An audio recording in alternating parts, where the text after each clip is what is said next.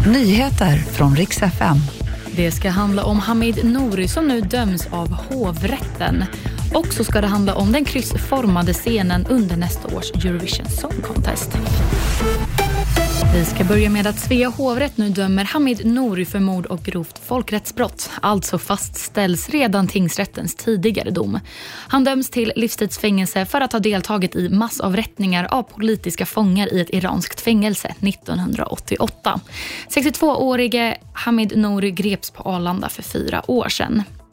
Vi går vidare med att SJ akut ställer in flera av sina avgångar inför julhelgen på grund av fordonsbrist.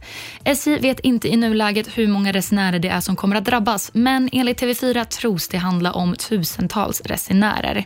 SJs presskommunikatör Marcus Fleetwood säger att de jobbar med att hitta ersättningstrafik. Slutligen ska det handla om Eurovision Song Contest och SVT nu i ett pressmeddelande har berättat hur scen och ljuddesign kommer att se ut under tävlingen nästa år i Malmö.